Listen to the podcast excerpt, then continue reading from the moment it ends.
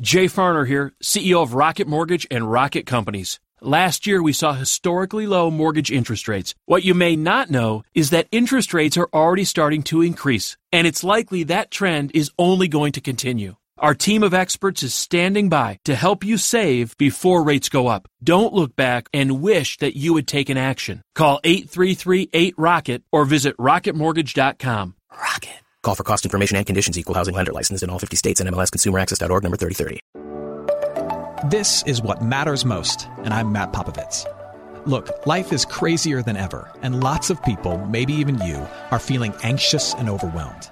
Today's message is designed to help you figure out what's most important and to experience the peace and joy that God intends for you. Because life is a gift, and it shouldn't be wasted on worry. I'd like to give you a resource, something to help you navigate the road ahead. Just go to mattpopovits.com, click on the icon, and we'll send it to you. That's Matt, P-O-P-O-V-I-T-S dot com. And hey, if you happen to live in the Houston area, I'd love to see you on a Sunday morning at St. Mark in Spring Branch. Head to stmarkhouston.org to plan your visit. Here's today's message. Thanks for listening. Now, as the helpmate, God has given you a ton of incredible gifts. Uh, chief among them is the gift of vision. Vision. Uh, not, not vision in like the, like the glasses and, and contacts sense, although I'm pretty sure my wife can spot an empty cereal bowl left on the coffee table from like 200 yards away. But vision in the, in the, um, in the future sense. Uh, as a helpmate, you have the gift of seeing, seeing potential in the lives of those that you love. You, more than anybody else in your family, you have the ability to see what could be, what should be, and what can be in the lives of those that you love. Uh, and men are different. When it comes to self and home, we struggle with vision. We struggle with seeing potential, at least in comparison to you. You are wired differently than us. I mean, when you were seven years old, you were already thinking about your wedding day and playing house. We were picking our nose and playing doctor. We're different. When you go up in the attic, you see heirlooms that can be passed on to the children. We see stuff that can be sold on Craigslist that will help us to buy more stuff. That's what we see. Uh, we're different. And especially as a helpmate, you have vision when it comes to the man in your life. You see a whole bunch of could be's and should be's in us as men especially because of our male sinfulness and brokenness and our tendency towards boyishness, you see a ton of could be's and should be's in us. And that's a gift. Ladies, it doesn't matter how great your man is, you will always have a list in your heart and mind of things that you know he could accomplish and could become. Not because you think he's a loser, but because you believe in him and you love him. You make us better. You make us dress nicer and dream bigger. You have vision for us. And it makes us better. Now, here's the catch, though. This is your gift, but because of your sinfulness and your unique brokenness, this incredible gift is also an incredible weakness. Genesis chapter 3, verse 16.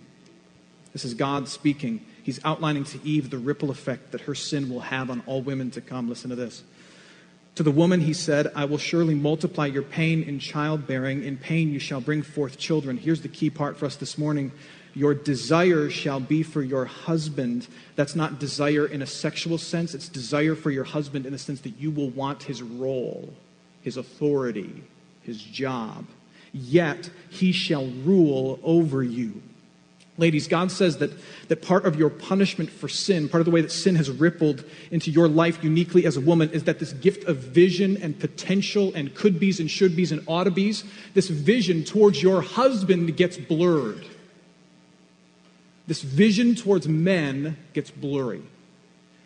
It gets blurred in this sense. Rather than simply see things you could help him accomplish, rather than simply see a future that you could help bring about through his leadership and love, you are tempted to see flaws in his character and things that you could do better. Sin has rippled effect, rippled into your life, and the effect that it has had, it has blurred your vision, and what is simply being seen as potential is now seen as flaws in character, things you could do better, and the temptation is rather than encourage him to lead, to take things out of his hands, which causes incredible frustration and resentment and anger in the lives of many a woman. In fact, it, it, sets the stage for what is, I believe, one of the biggest battles in the life of, of every wannabe godly woman. It's the battle between giving over to that resentment and that frustration and becoming bitter and nagging and fighting that resentment, fighting that desire to lose respect for him, overtake him, or simply give up on him, and continue the journey towards being a biblical helpmate for him. It's a, it's a battle between bitterness and helpfulness. And it's key, not only in your life of embracing the life that God has given you, but you helping us as men to become the kind of guys we've been talking about over the last month. Turn with me to 1 Peter chapter 3, ladies. 1 Peter chapter 3, deep in the New Testament. If you don't have a Bible with you, you can, you can follow along uh, at youversion.com with our live event. You can see the, uh, the URL for that is in the worship folder. It's also up on the screen right now. You can follow on your smartphone, your Blackberry, whatever it is that you have. Uh, here, God, through the pen of Peter, um, is, is giving instructions specifically to women on how best to encourage their husbands and fight this battle. And listen to what he writes. He says, Wives, be subject to your own husbands, so that even if some of them do not obey the word, they, this husband, may be won without word by the conduct of their wives when they see your respectful and pure conduct. Now, Peter is writing to a group of, of Christian women who apparently uh, their husbands were struggling. We don't know how these men were missing the mark. Um, maybe they were unbelievers. That's, that's a high likelihood. Uh, but whatever it was, um, it had these, these men's wives worried and frustrated, and they, and they, were fighting this battle.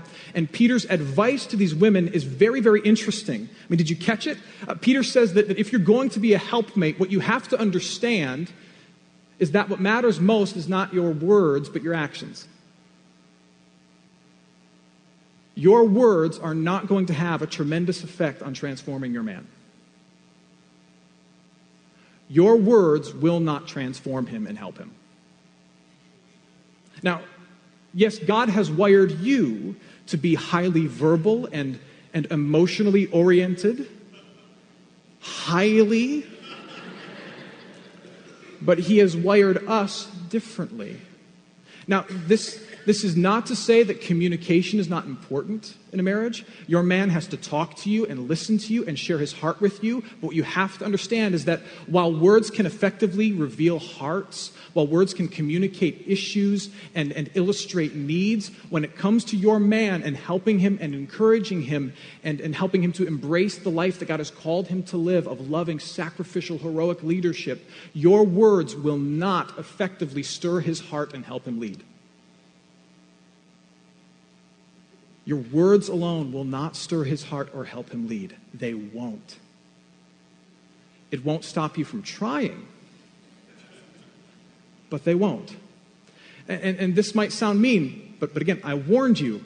There is, there is a reason the scriptures are sprinkled with verses about a quarrelsome and, and bitter wife. And if you don't believe me, I jotted some down. Proverbs 27, verse 15.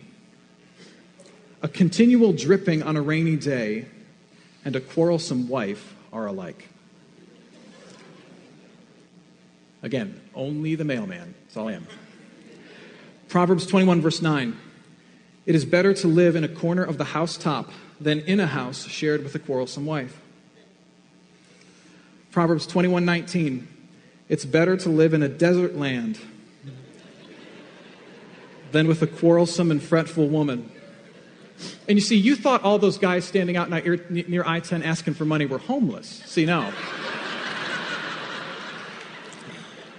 Just married. That's it.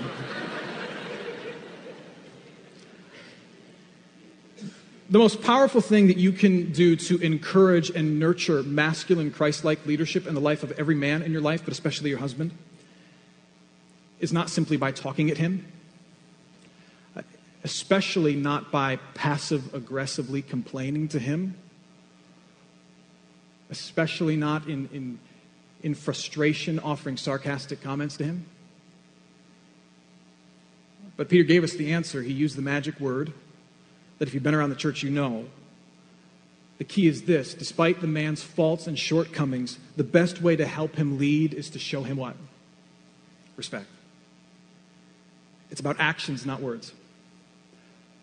Respect from a woman fuels love and leadership in a man. Respect from a woman fuels love and leadership in a man. Now, please, I pray that you know me and this place, and especially God's word well enough to know that, that when I say that, and when the scriptures say uh, that a wife should respect her husband, that we are not saying that, that wives should stand at attention, say yes, sir, and walk two steps back. We're not saying that at all. But rather, respect in the life of a man, according to the scriptures, is, is less about him being a boss of anything and more about him feeling sufficient in all things.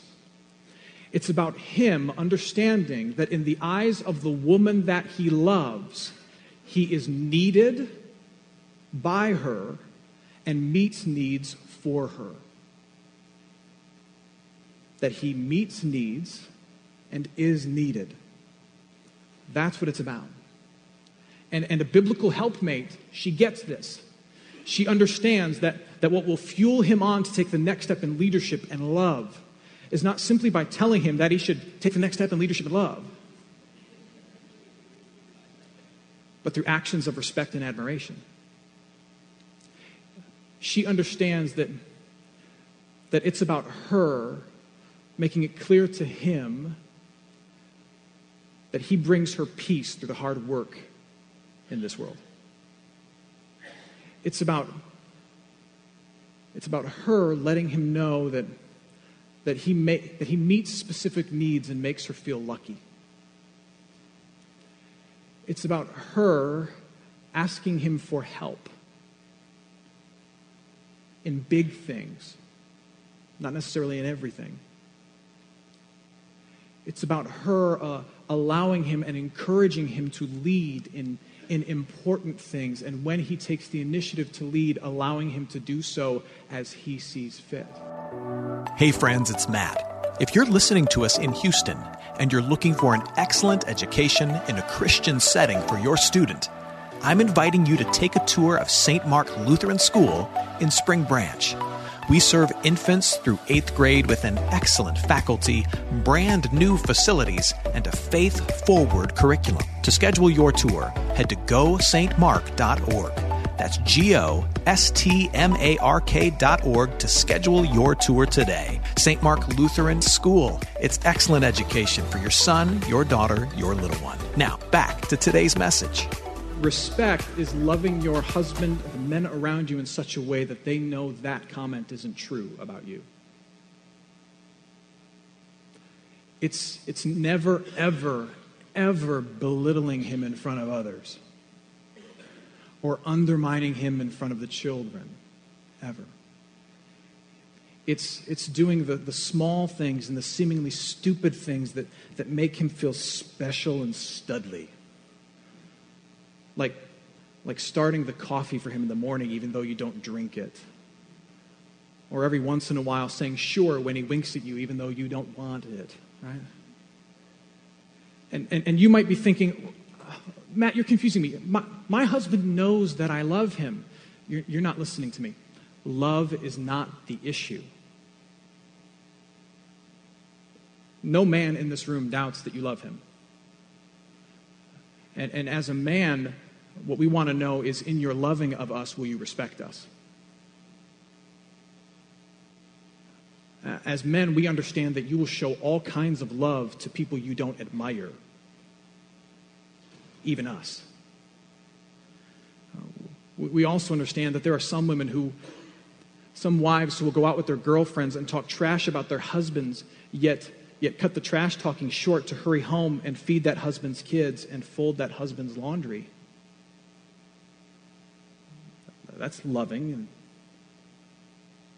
yet we would take we would take an attitude of respect and admiration over all the folded underwear in the world, which is why we tend to leave it on the floor. Now, you may have some legitimate gripes about your husband that, that make it difficult for you to respect him and show admiration to him and, and do these things that, that fuel leadership in him. And I understand that. And, and my wife has, has gripes about me. Ask her. I mean, she won't tell you out of respect for me, but you can ask her. Um, but men are to love their wives, and women are to respect their husbands not because the other one has earned it but because our God in heaven, who has freely forgiven us and made us his children through the work of Christ on the cross, because he requires it. And God requires us to give to one another in marriage far more than the other has earned or deserves, so that our marriage is built upon grace, not a give and take. Respect is the key. We continue starting in verse 3. Peter says, Do not let your adorning be external, the braiding of hair and the putting on of gold jewelry or the clothing you wear, you wear, but let your adorning be the hidden person of the heart, with the imperishable beauty of a gentle and quiet spirit, which in God's sight is very precious. Uh, some have wrongly interpreted these words to mean that God is somehow against women looking good, and that's not true at all. All the men are breathing a sigh of relief. Although this is a good verse to pull out if you by chance happen to like miss a birthday or an anniversary or say Valentine's Day. You know, baby, I meant to get you that necklace, but this year I'm celebrating your inner beauty. Bible verse. Right? Here's the thing. Apparently, in Peter's day, some women were, were working overtime to make themselves look like a real housewife of Beverly Hills. And uh, perhaps they were doing this in order to compensate for lack of fulfillment in their marriage. Um, Perhaps they saw it as a bribe to, to get their husband to be a better man, or they saw it as a way for him to stick around.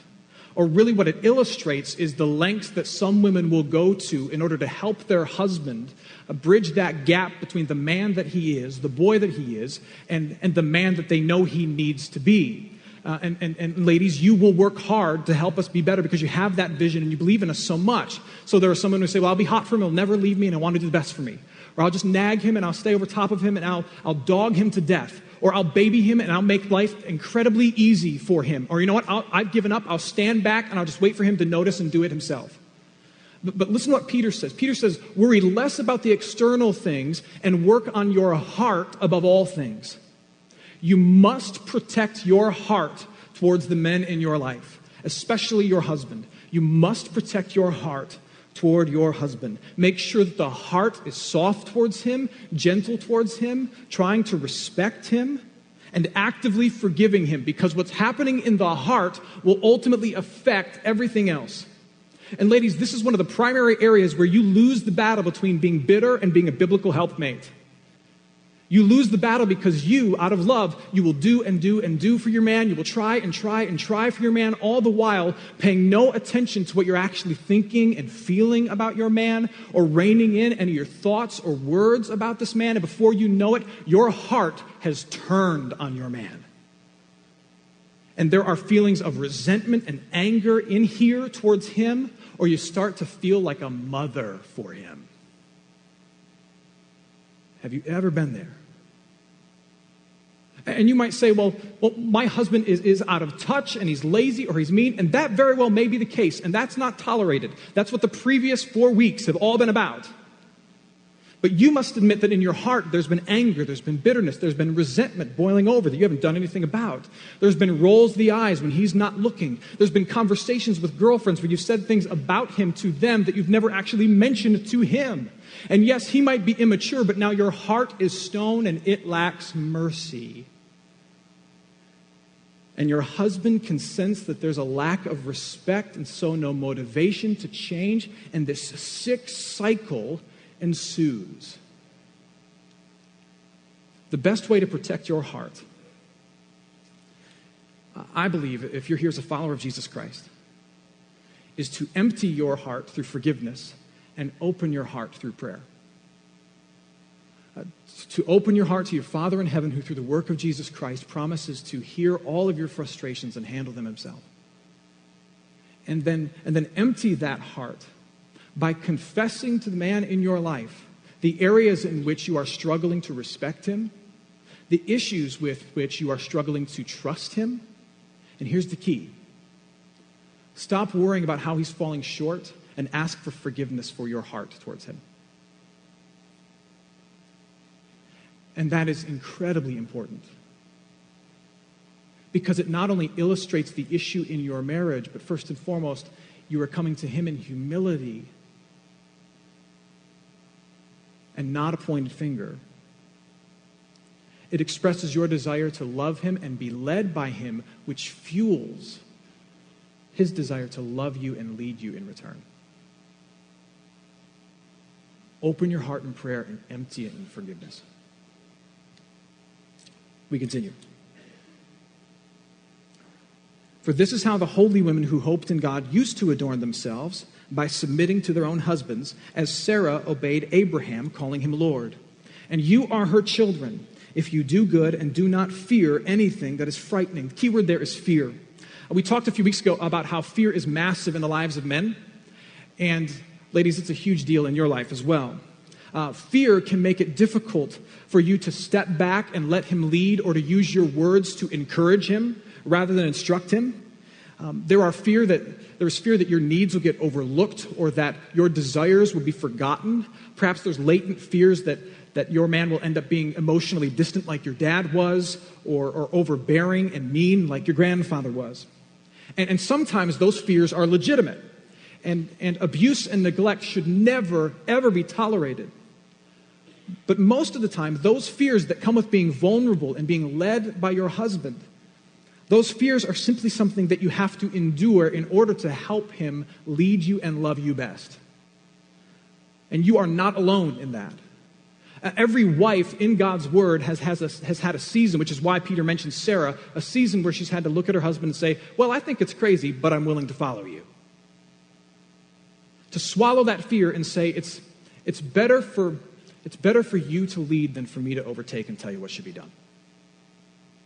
And, there's a balance you must strike a balance between honoring your husband and keeping your hope in Jesus Christ. You must honor your husband, encourage him to lead, allow him to lead, yet keep your hope in Jesus.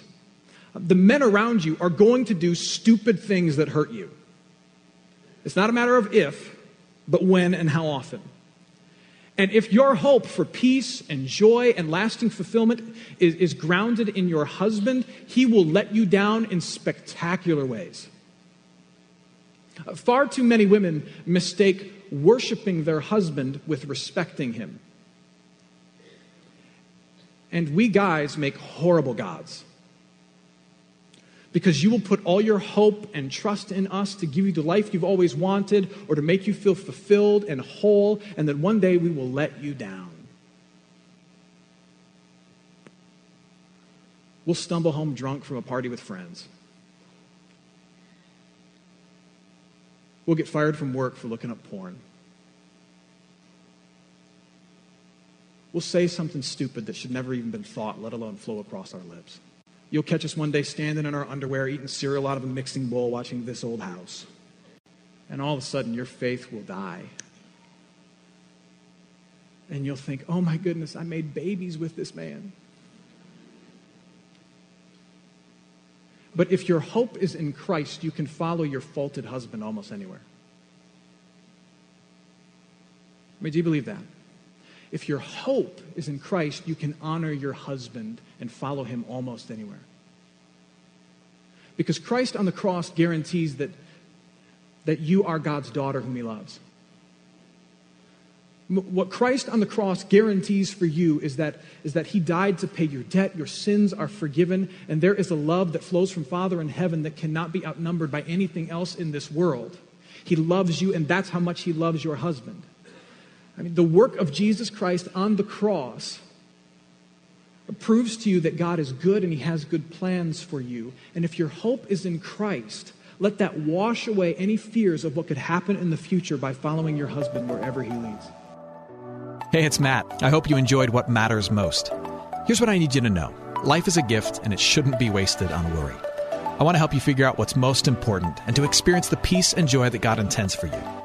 So, for more content, you can head to mattpopovits.com. That's Matt, P O P O V I T S.com. There, you can also support this ministry as well as access your free resource, a little something to help you navigate the road ahead. I'd also love to see you on a Sunday morning. If you're in the Houston area, head to stmarkhouston.org to plan your visit. In the meantime, hit me up on Instagram at mpopovits or at facebook.com slash Matt Popovits Ministries. Thanks for listening. Now go and hold tight to what matters most.